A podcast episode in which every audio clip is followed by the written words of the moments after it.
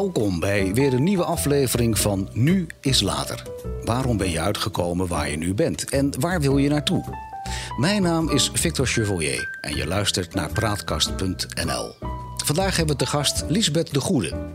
Lisbeth is al sinds 1984 doctor Anders in de Nederlandse taal en letterkunde. Haar studie heeft ze gedaan in Groningen. Meer recent, in 2010, heeft ze de post-HBO copywriting gedaan bij het Centrum voor Communicatie en Journalistiek. Na jaren gewerkt te hebben bij de RVS, onderdeel van de ING, waar ze zich onder andere bezighield met het ontwerp, de ontwikkeling en het beheer van workshops, trainingen, toetsen en opleidingsmaterialen, is ze in 2011 voor zichzelf begonnen met De Goede Teksten als tekstschrijver en redacteur. De Goede Teksten is een tekstbureau in Ede voor het schrijven en redigeren van wervende en lekker leesbare teksten voor websites, nieuwsbrieven, advertorials, brochures, leaflets, flyers, direct mail en persberichten. En alle andere communicatiemiddelen die ondernemers uit midden- en kleinbedrijven in de schijnwerpers zetten. Dat vertelt ze tenminste allemaal op LinkedIn. En vandaag zit ze hier en mogen we alles aan haar vragen. Welkom, Lisbeth. Dankjewel, Victor. Um, we, we, hebben een beetje afgesproken dat we gewoon je en jij tegen elkaar zeggen. Ja. Um, kun je mij vertellen wat je nou precies voor werk doet? Eigenlijk, ik vertelde het net wel, maar hoe ziet het er nou uit? Hoe ziet zo'n werkdag er dan uit? Um, dat is niet zo heel spectaculair over het algemeen, maar uh, zo af en toe maak ik toch heel leuke dingen mee. Maar uh, het begint ermee dat, uh, dat ik voor een ondernemer zijn verhaal ga verwoorden op papier. En dat doe ik niet op basis van aangeleverde uh, oude teksten, zeg maar. Hè. Soms dan zeggen mensen wel tegen mij: Oh, ik heb nog wel wat tekstjes liggen. En ja. maak er maar wat moois van. Precies. Dat is heel lastig om daar wat moois van te maken, vaak. heel eerlijk gezegd. Ja. Dus uh, ik wil heel graag dat de teksten gaan klinken zoals de ondernemer zelf is. Mm -hmm. Dus. Um, ik stel eerst, uh, uh, ik, ik hou eerst een interview en vraag de ondernemer het hemd van het lijf over zijn werk, uh, zijn motivatie, uh, waarom doet hij wat hij doet, hoe doet hij dat? Nou ja, alles wat je zo al kunt vragen. En op basis van zijn eigen antwoorden en de manier waarop hij spreekt, schrijf ik dan de teksten. Dan krijg je ook de, de meest levendige, lekker leesbare teksten. Uh, wat, wat vind jij dat lekker leesbaar is? Dat is een beetje een brede vraag hoor, maar... Ja, dat is een gewetensvraag. Nou, we hebben op school uh, nog bijna allemaal geleerd om heel formeel te schrijven volgens vaste regels. Ik, ik word nog heel vaak geconfronteerd met uh, van, die, van die feitjes als je mag een zin nooit met en of maar of want of zo beginnen. Uh, mijn leraar zei altijd. En dan zitten mensen helemaal vast in, in een stramien waar ze bijna niet uitkomen. Terwijl ja. aangetoond is dat hoe dichter je bij de spreektaal zit. Mm -hmm hoe makkelijker mensen het lezen. Ja. En uh, spreektaal wil niet zeggen dat je alle us en zo natuurlijk overneemt. Maar wel dat, uh, dat je maar zegt in plaats van echter. Ja. Uh, mijn Ja. grootvader zei misschien nog echter. Maar Oh ja, dat- eh, sinds 1920 gebeurt dat al niet meer. eh. Marieke te Utrecht. ja, Vind ik ook zo precies. mooi. Ja, ja. Ja, dat is een beetje hetzelfde idee. ja. hey, maar je, je vertelt dat je mensen interviewt en dat je daarmee met die verhalen eigenlijk zo dicht mogelijk bij, bij, bij die mensen wil uitkomen Mhm. waar ze zitten. Ehm, wat voor eigenschappen vind jij dat dan een eh, goede tekstschrijver zou moeten hebben? Ehm, je moet nieuwsgierig zijn. Je moet ge- werkelijk geïnteresseerd zijn in het verhaal van de ondernemer. En dat heb ik ook eigenlijk pas uitgevonden in de tijd dat ik dit doe. Dat is nu acht jaar. Ja. Ehm, dat, je, eh, dat er zelfs als het gaat over wat ik altijd noem wandpanelen s- gaat. Hè, wou je zeggen, is eigenlijk heel erg saai of zo. Maar... Ja, dat, Ja. Dat, dat dacht ik van tevoren van nou, er zijn onderwerpen die lijken mij superleuk. En dat is ook vaak zo. En er zijn onderwerpen die lijken mij niks. En ik heb uitgevonden dat elke ondernemer heeft wel een, een mooi verhaal. Hoe saai het ook eh, van tevoren lijkt. En het is de kunst om dat verhaal naar boven te krijgen. En dat gebeurt vooral als je werkelijk geïnteresseerd bent. D- ik stel me dan voor dat je echt bij de mensen thuis komt. eh, Ja. Of op een werkplek waar ze dan Mhm. een product leveren. Ehm, en dan een uur, twee uur met mensen gaat praten. Ja, soms al drie of vier uur. Oké. Het mag wat kosten, zeg maar. Nou, het mag wat kosten. Dat kost mij altijd wat. Want dan ja. factureer ik of offereer ik van tevoren anderhalf uur. Want ik denk dat moet kunnen in anderhalf uur. Na acht jaar onderschat ik dat altijd nog. En vervolgens zit ik drie of vier uur met die mensen. Ja. Maar eigenlijk heb ik daar zelden of nooit spijt van. Want het betekent dat je echt een, een goed gesprek hebt. En daar komen ook hele mooie teksten uit. En dan denk ik, dat betaalt zich op die manier ook wel weer terug. Als ik na afloop denk, wauw, dit heb ik toch wel heel leuk gedaan. Nou, dan kan je ook gelijk vragen, wat voor, wat voor drijfveren heb jij dan? Wat vind jij belangrijk waarom je de goede teksten bent gaan doen? Um, Waarom ik het ben gaan doen is een ander verhaal dan waarom ik het nu uh, belangrijk vind. Ik ben het gaan doen oh. omdat ik een beetje uh, vastliep in, in, uh, in mijn werk in een organisatie waar ik eigenlijk qua persoonlijkheid niet zo heel goed paste. Dat, was de RVS. Dat was de RVS. Ja. Ehm, ik heb daar een, een, aantal jaren met veel plezier gewerkt, maar het was uiteindelijk toch wel een hele zakelijke omgeving waarin ik steeds minder floreerde. En uiteindelijk uh, werd ik boventallig, lang verhaal kort. En uh, dat was niet zonder problemen gegaan. Ik heb een burn-out ondertussen gehad. En op het moment dat, dat ik was ook in die tijd dat je bij de RVS Dat was in die tijd, ja. ja Oké. Achteraf kan ik dat heel goed verklaren. Toen, toen overviel me dat. Toen was nieuw. ja, het was helemaal nieuw en uh, verbaasde ik mezelf. Maar uh, ook al kon ik eigenlijk bijna niks meer... Uh, ik kon altijd nog schrijven. Mhm. En daar haalde ik energie uit en daar werd ik om gewaardeerd. En dat toen vond, ik, vond je ook zelf leuk om te dat doen? vond ik heel, heel leuk om te doen. Ik schrijf eigenlijk al wel mijn hele leven. Ik, eh, toen ik uh, zes was, won ik al een opstelwedstrijd bij Ouders van Nu en ah, zo. En, uh, het zit echt als jongens van nieuw. Ja. ja. Ja. klopt. Ik schreef gedichtjes over de herfst en zo. En die werden dan geplaatst in de Leeuwarden Courant. Ik kom okay. uit Friesland. En dan kreeg ik een pim-pam-pet spelletje of ja. dat soort dingen. Dus ik heb altijd al wel geschreven. Mm -hmm. En, en uh, met zo'n burn-out blijkt uh, heel goed waar je, waar je uiteindelijk je, je, je kracht zit en je kernwaardes. En ik kon, ik kon toen schrijven en ik haalde daar energie uit en zo. Dus toen ik boventallig werd, dan sta je op de arbeidsmarkt opeens met lege handen en denkt: Mijn hemel, wat nu? Ja. Ik was natuurlijk toen ook al lang geen twintig meer. En uh, toen bedacht ik al heel snel: ik moet, ik moet nu wat met dat schrijven gaan doen. Maar waarom kwam dat toen pas? Want eigenlijk zeg je het, ik heb het al toen ik zes was, dat ik dat heel mm -hmm. leuk vond om uh, te doen. Dan, dan ga je een carrière binnen de RVS aan. Um, en dan wacht je eigenlijk tot het moment dat je met een burn-out thuis zit om tot ontdekking te komen wat je al wist toen je zes was. Nou, dat is wel heel erg uh, lang verhaal, heel kort. Ja. ik ben, uh, zoals elke Nederlandicus, begonnen in het onderwijs, maar daarvoor wilde ik eigenlijk journalist worden. Oh, dus okay. toen ik 18 was, had ik daar best wel een goed gevoel voor.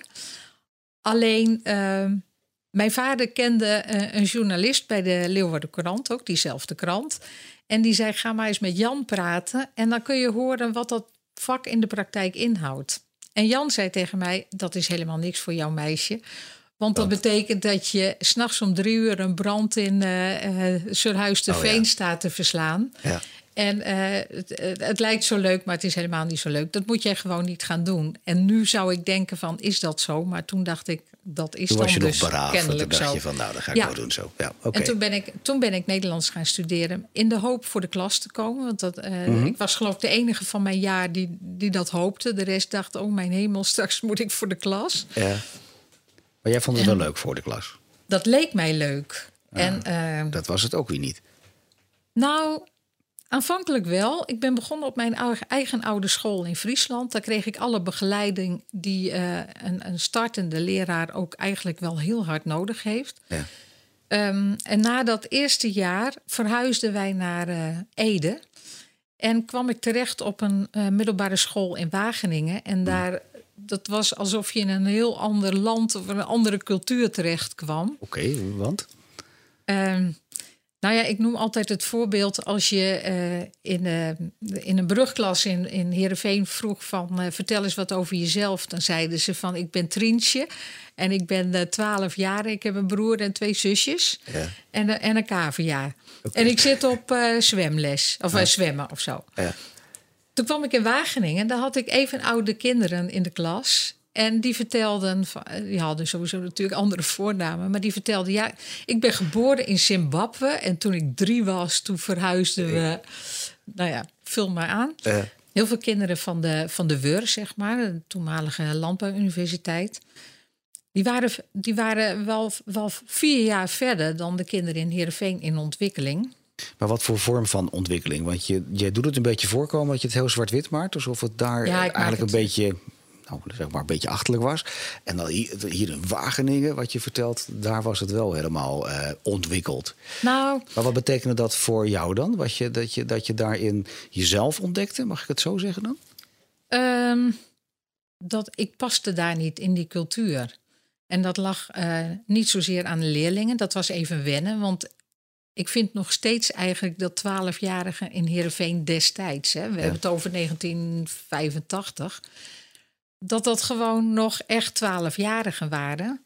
En dat ze hier, met, met alle, alle leuke kanten die dat heeft... eh, een 1975 paar mag jaar, ik aannemen. 1985 toen ik hier kwam.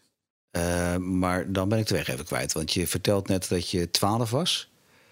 Eh, en dan zit ik toch in een verkeerd Nee, decennium. eh, mijn leerlingen waren twaalf. Jouw in de leerlingen waren. het- Oh, dat heb ik helemaal niet. Dan zit ik echt te luisteren. en denk ik, hé, oké. Ja, ja. Brugklas. Oké, wij kwamen hier in 85 wonen. Toen kwam ik op die andere school. Nadat ik een jaar les had gegeven in Heerenveen. Op mijn Dat heb ik even gemist. school. Dat heb ik even Oh, gemist. Dat stukje heb ik even gemist. niet. Dus je hebt eerst les gegeven in Heerenveen nadat Ja. je het afgerond had? Nee, want ik Ja. dacht dat jij zelf 12 was en Nee, kwam. nee, nee, nee, nee. Dat was... eh, Oké. Ehm, en dan zeg je van, ja, hier waren de mensen wel ontwikkeld. Ehm, ho, ho, ho. Ze waren daar ook ontwikkeld. Maar twaalfjarigen waren gewoon nog de kinderen van twaalf. Ja. En hier liepen ze, ook, ook door eh, wat ze al meegemaakt hadden in het leven... Ja. waren ze eh, gewoon wat verder, zeg maar, een paar jaar.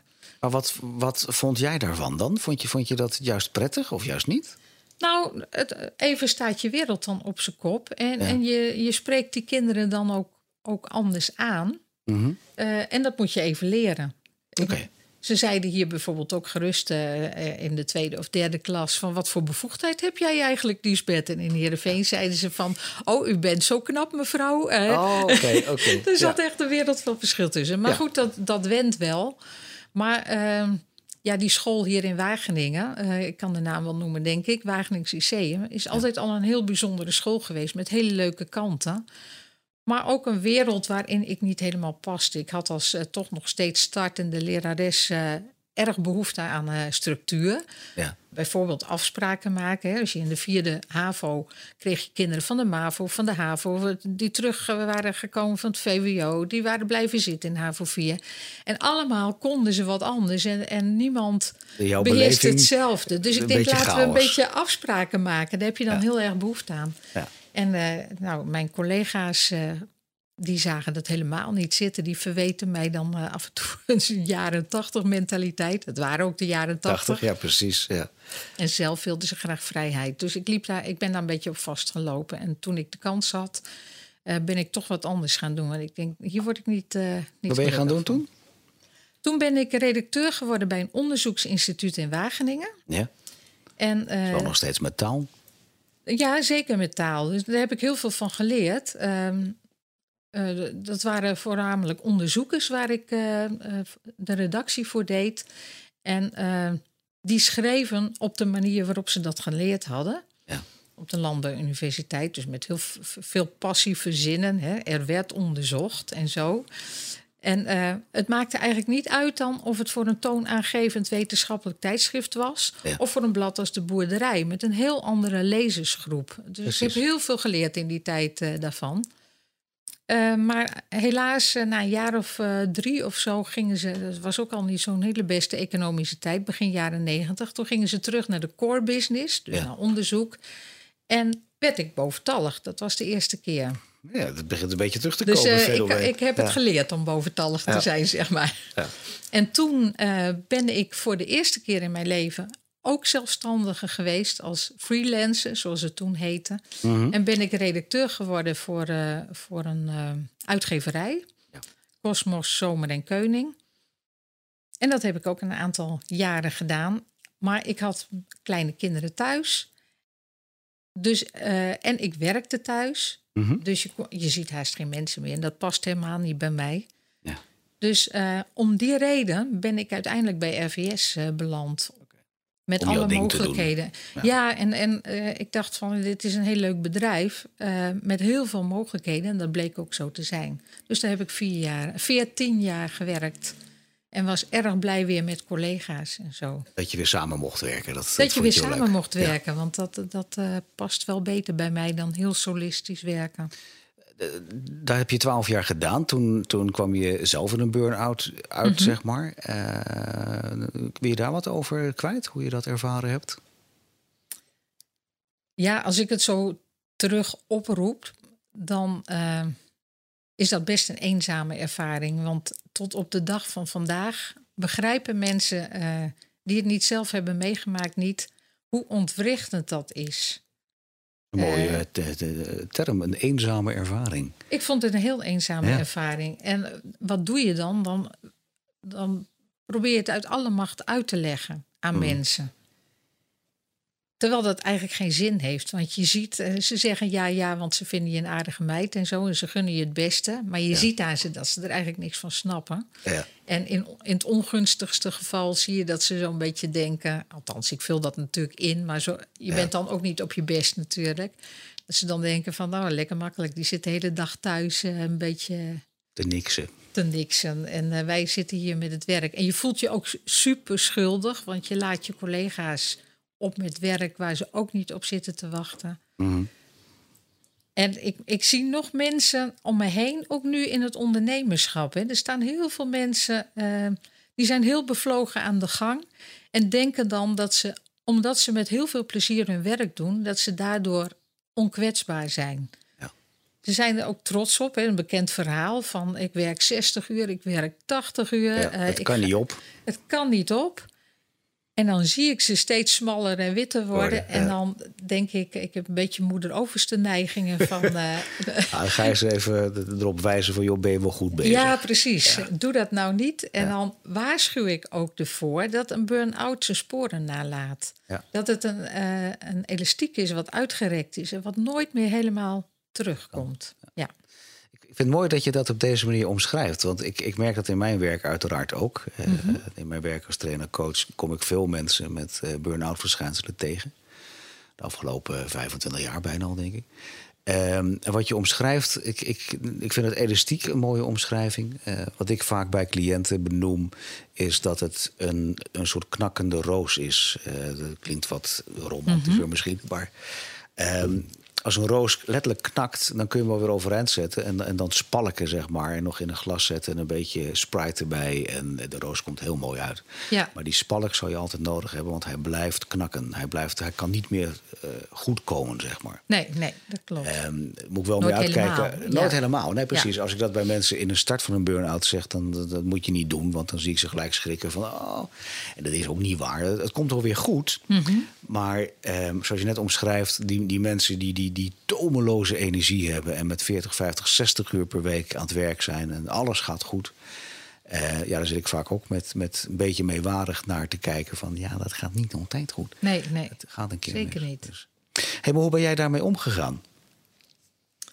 Ehm, ja.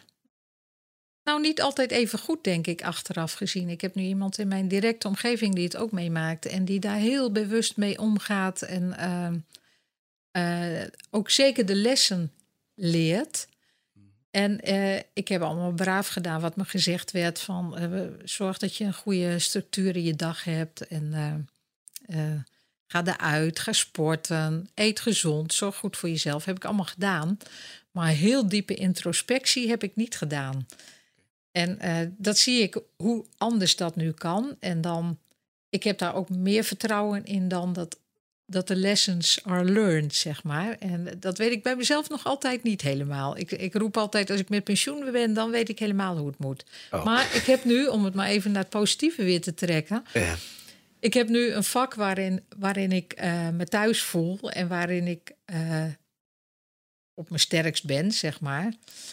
Dus de gevaren zijn een stuk minder groot. En dat behoedt mij gewoon voor een val. Maar stel dat ik noodgedwongen eh, weer bij een verzekeringsmaatschappij zou moeten werken. Ligt dat anders? Dan weet ik niet of ik niet gewoon weer struikel over, de ste- over dezelfde steen. Dus ik zou iedereen die, die dit zou horen en in zo'n situatie zit, eh, adviseren om toch eens even diep in jezelf te kijken.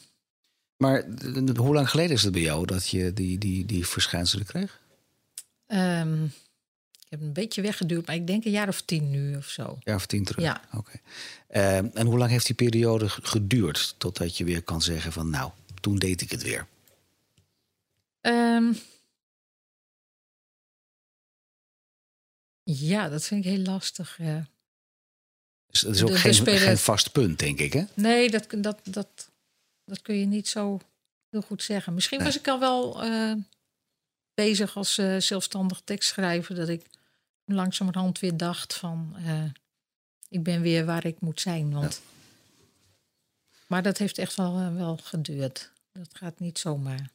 Maar kun je een indicatie geven? Want het, het, klinkt nu alsof het heel wijd is. Alsof het drie dagen geweest is. Of, Ja, nee, het, of eh, 13 jaar, je hebt zeg het, maar. Nee, dat ook weer niet. Maar ik denk dat het al met al wel een jaar of drie geduurd heeft. Ik Voordat je kreeg- echt kon zeggen dat het wat beter ging. Ja, ik, ik kreeg van mijn broer eh, in die tijd eens een, eh, een berichtje of een kaartje of zo... waarin hij schreef, ik hoop dat je snel weer de nieuwe wordt.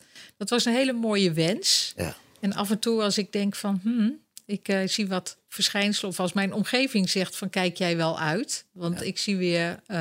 Zie je wel terugkomen? ik zie wel terugkomen. Dan houd ik me altijd voor van, oh ja, ik, ik moet het nu. Je moet het anders doen dan voorheen, want anders krijg je weer precies hetzelfde als voorheen. Hoe, hoe positief de, de omstandigheden ook zijn. Kun- je wat eh, symptomen noemen waar je nu nog last van, eh, van hebt, zoveel jaar later? Ehm, ja, dat, dat, dat het stressniveau eh, soms onevenredig omhoog schiet, terwijl daar objectief gezien heel weinig aanleiding voor is. Dus je reageert te heftig op, op stressoren, zeg maar. Een En voorbeeld? dat kun- ja. Eh, nou ja, je hebt als, als tekstschrijver altijd te maken met deadlines. Het klaar moet zijn. Ja. Ja. En eh, ik heb altijd eh, over het algemeen heel aardige en begripvolle eh, opdrachtgevers. En meestal ben ik gewoon op tijd. Maar als ik ga vermoeden van nou, het, eh, de- Meestal ben ik altijd op maar, ja. ja, nou ja, ik, ik kan echt niet zeggen 100 procent. Want eh, het zit ook niet altijd mee. Hè? Van, eh, er zijn dagen, dan schrijft de tekst zichzelf, zeg ik altijd. Ja. En er zijn dagen, dan zie je er gewoon geen lijn in. En, en dan, dan wil het gewoon helemaal niet. En dan, Nee. dan denk je, ik ga maar eens een rondje lopen. En dan loop je nog eens een rondje. En eigenlijk weet ik ondertussen, dan kan je maar beter ophouden. Want eh, het is niet dat inspiratie nou iets heel heiligs is... waar je op moet gaan zitten wachten. Maar eh, soms zit het gewoon echt ook niet mee. Eh, Nee, maar dat heeft ook een beetje met het creatieve verhaal te Ja, maken. Je moet, ja. je moet op een gegeven moment moet je iets brengen waarvan je echt denkt van, nou, dat is dan goed. En dat kan je niet zomaar uit je mouw schudden. Dat is Nee, het, klopt. Het basisidee, dat, dat, dat moet dan komen. Dan kan je het wel met al je kennis en ervaring mooier maken. ja, Maar dat zegt niet zoveel over jouw burn-out-achtig idee. Dus het, ja, een, een, een deadline heeft iedereen, of je nou ja eh, klopt. als dan, vakkenvuller werkt of... of eh, eh, dan meneer- kan ik, kan ik een realiteit in mezelf opnoemen, eh, op, oproepen. Die Ja. voelt als heel waar. Ja. Maar het is natuurlijk altijd een idee fix. eh, waarin ik Ja. de opdrachtgever, ik hoor zijn stem dan al, die zegt van... eh, Dat is jouw ding, Ja, aanname. maar- een aanname. Want wie weet die opdrachtgever die helemaal niet over nadenkt. nee, precies, het is een idee fix ook, eh, waar, waar ik niet altijd aan kan ontsnappen. Ja. En dan, eh, dan kan het zweet mij letterlijk uitbreken. Terwijl als het echt te laat is, eh, heel, heel vaak zegt de opdrachtgever: Oké, nou, het komt wel goed uit, want ik had ook nog even wat anders aan mijn hoofd. Of de webbouwer is nog helemaal niet klaar of zo. Maar goed, we gaan nu heel erg door op de burn-out. Terwijl ik, eh, dat ligt ook alweer een tijd achter mij. Natuurlijk, maar het Ja. Mhm. is wel een thema wat me erg aanspreekt. Ook vanwege het Transitieinstituut, die in feite dit programma aanbiedt. Ja, Deze podcast. Dus Ja. dat, vandaar dat ik er eventjes over doorging als je het niet erg vindt. nee, geeft niet. Ehm, waar ben je opgegroeid? In Heerenveen. In Heerenveen, Wat was eh, de familie thuis? Hoe zag het eruit? Papa, mama? eh, vader, moeder en een broer. ja? Een heel harmonieus gezin. Dus Mhm. wat dat betreft is het goed dat ik andere schrijfopdrachten heb. Want een boek zou ik er niet over kunnen schrijven. Want? Dus ja, als het harmonieus is, dat is net als een heel geslaagde vakantie. Zonder pech en zonder. eh, eh, Die vergeet je snel weer. Ja, dan kom je thuis en zeg je: Ja, het was hartstikke leuk. Mooi weer, lange dagen noemen wij dat thuis altijd. Ja. Uh, daar valt dus heel weinig over te vertellen. Dus ik ben gewoon een geluksvogel met, met een harmonieuze achtergrond en een leuke jeugd in, in Friesland. Waar ben je je vader dankbaar voor?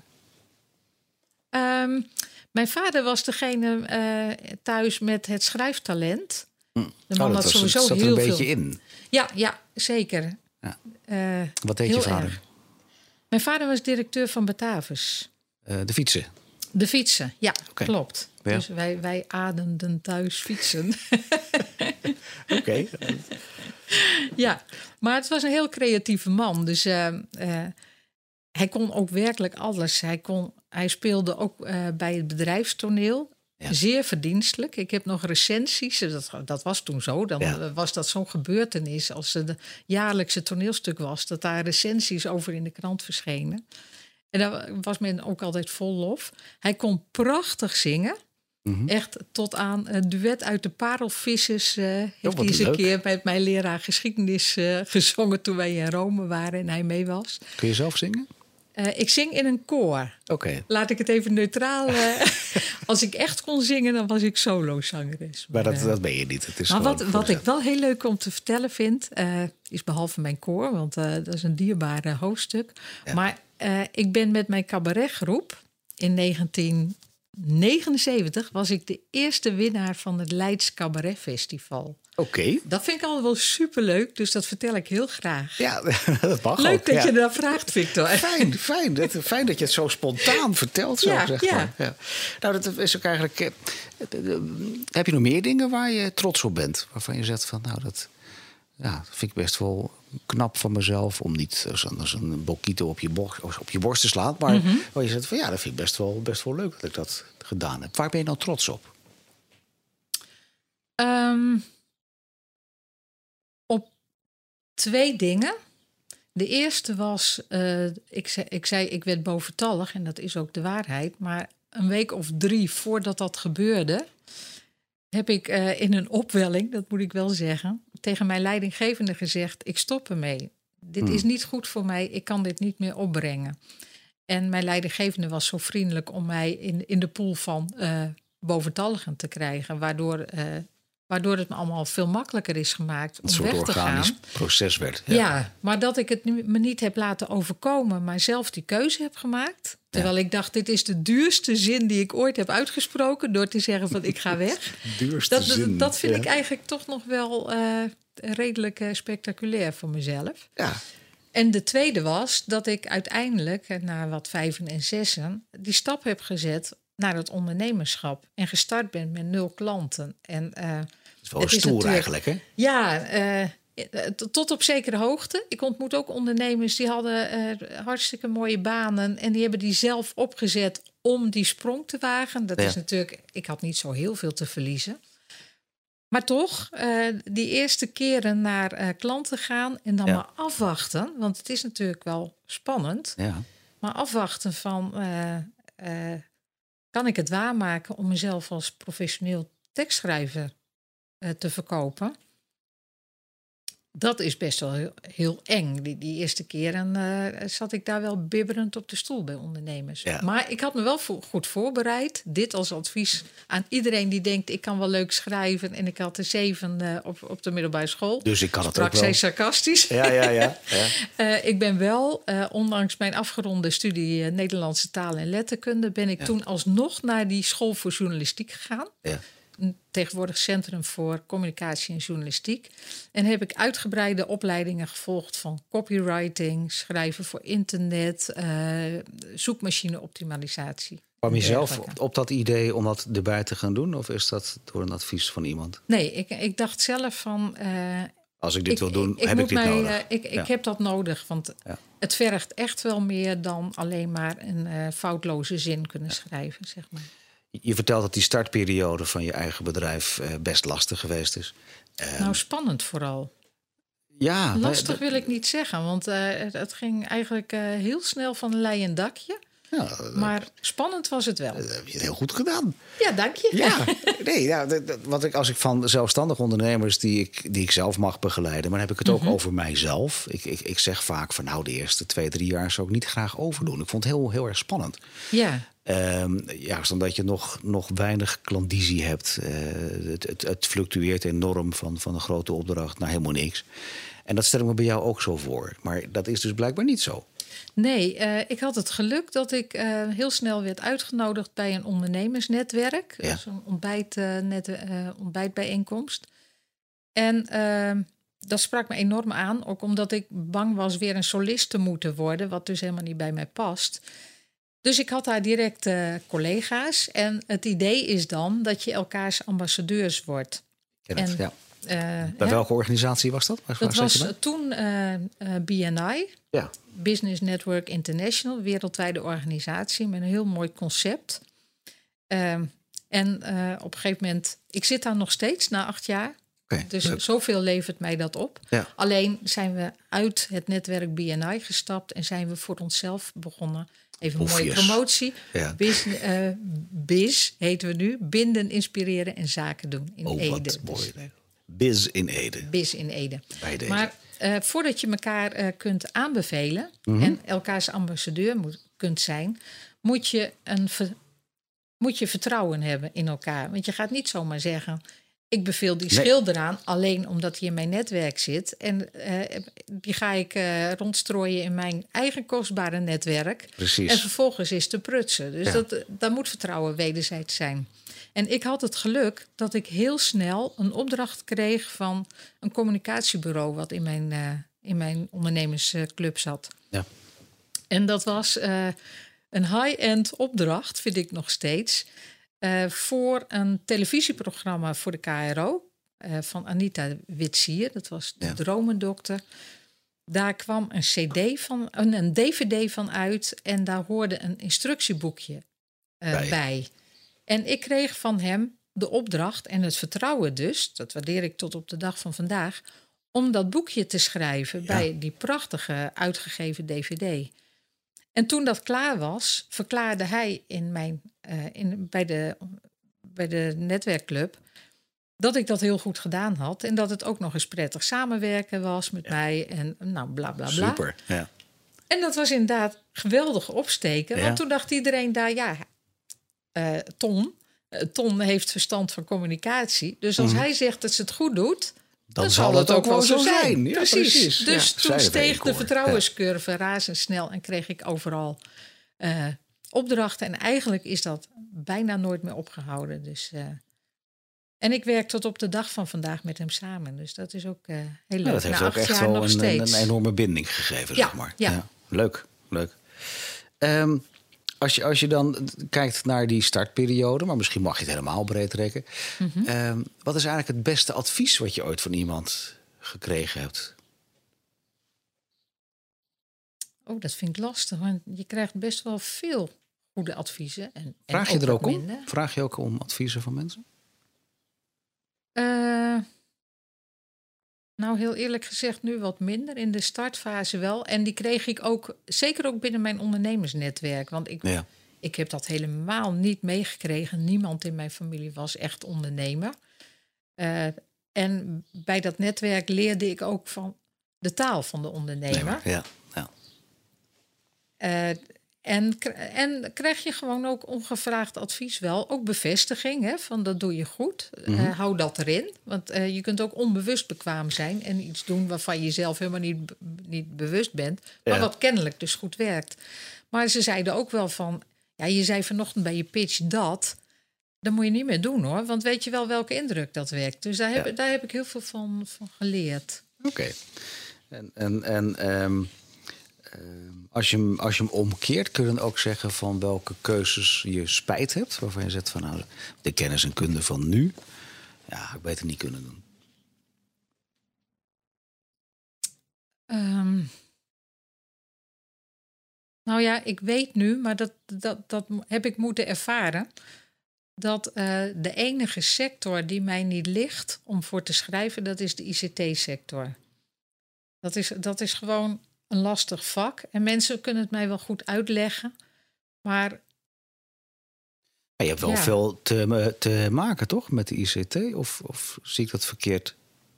Nee, schrijven voor ICT-ondernemers. Dat vind je hè? lastig. Die, die vertaalslag maken, dat vind je lastig. Nou, misschien is het minder de vertaalslag maken, want eh, het is heel vaak business to client. Mhm. En dan eh, de, de, de mensen die gebruik maken van ICT, die, die snappen er vaak net zo weinig van als ik. Ja. Maar dat geeft niet, hè, daarvoor ben ik er. Ik stel gewoon eh, onbekommerd alle mogelijke vragen.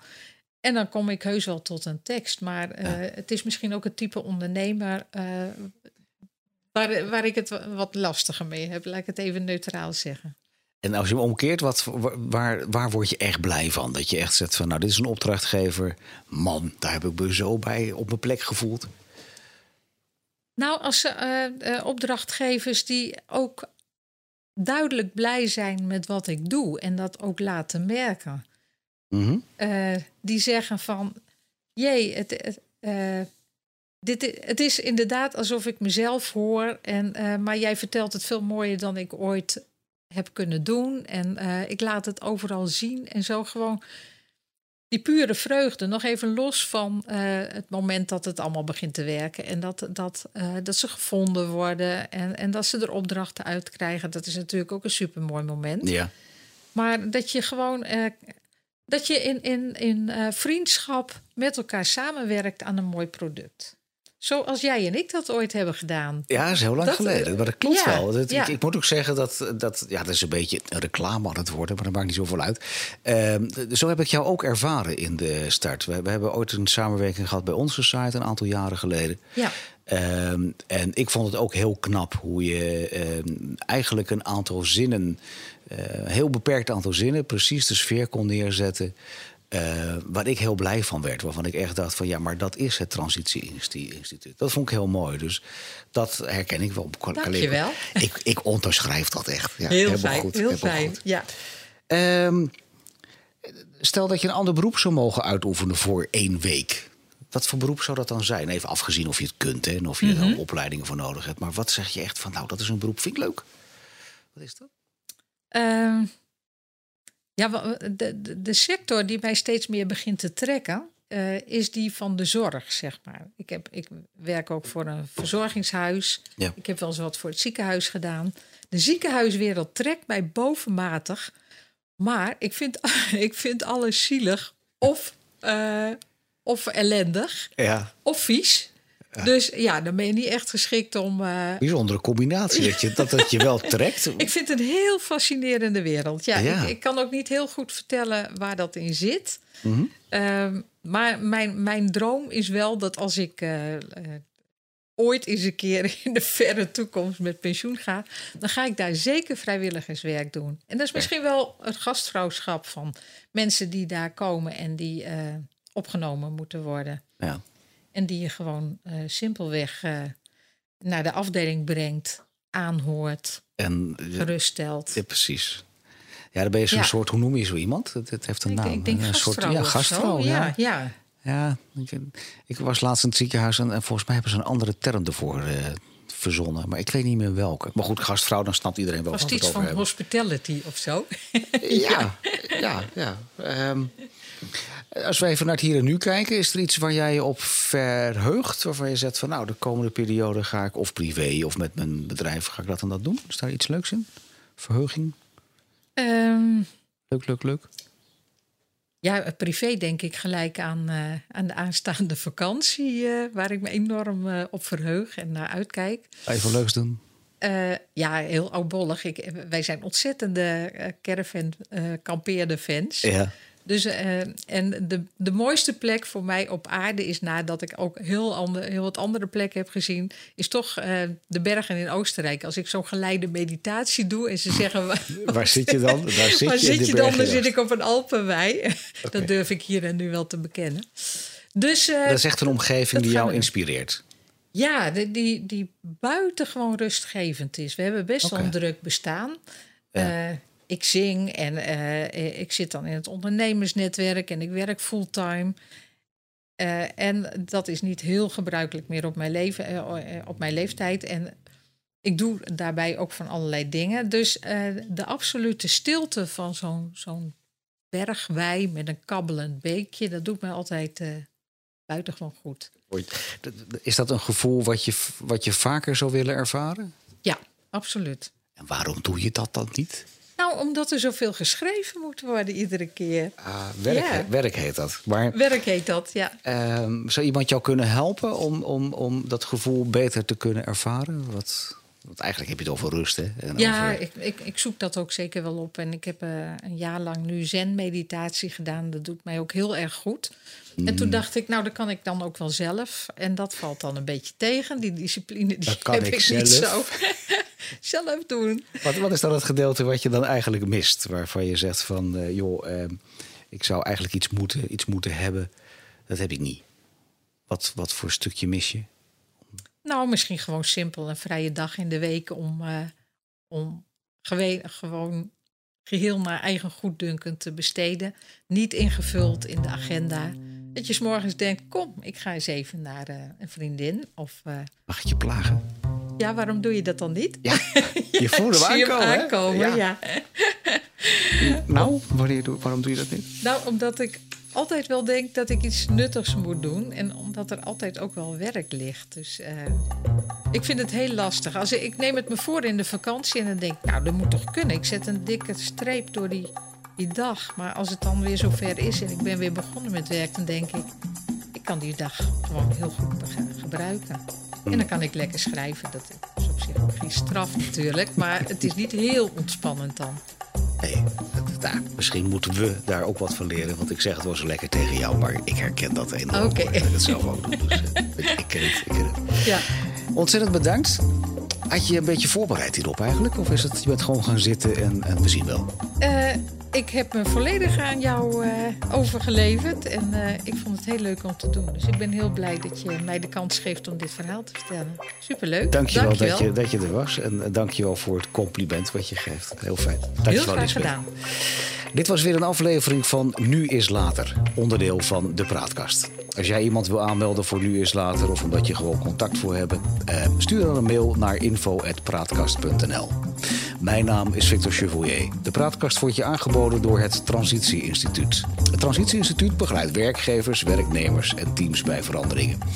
En eh, zoals je net ook hebt gehoord bij Liesbeth, als, eh, als mens ben je voortdurend in beweging. In je werk, in je relatie met anderen en op persoonlijk vlak. Steeds weer doe je nieuwe ervaringen op. Ervaringen die weer tot nieuwe inzichten en nieuwe doelen leiden. Zo ben en blijf je in beweging. Dat is leven. Maar wat nu als die beweging stopt? Als je het even niet meer weet? Wanneer je worstelt met dit soort vragen, is het goed om daar eens met iemand over te praten. Iemand die om te beginnen naar je luistert zonder een oordeel te hebben. De werkwijze van het Transitie Instituut kenmerkt zich door aandacht, respect en de waardering voor wie je bent als mens. Hartelijk, uitnodigend, maar soms ook confronterend. Wat je vraag ook of probleemstelling ook is, je kunt altijd bij het Transitie Instituut terecht voor een kosteloos eerste gesprek. Als jij of je organisatie ook toe is aan verandering, kijk dan op www.transitie.nu. Wees welkom. Dankjewel voor het luisteren naar Nu is Later van de Praatkast en graag tot de volgende keer.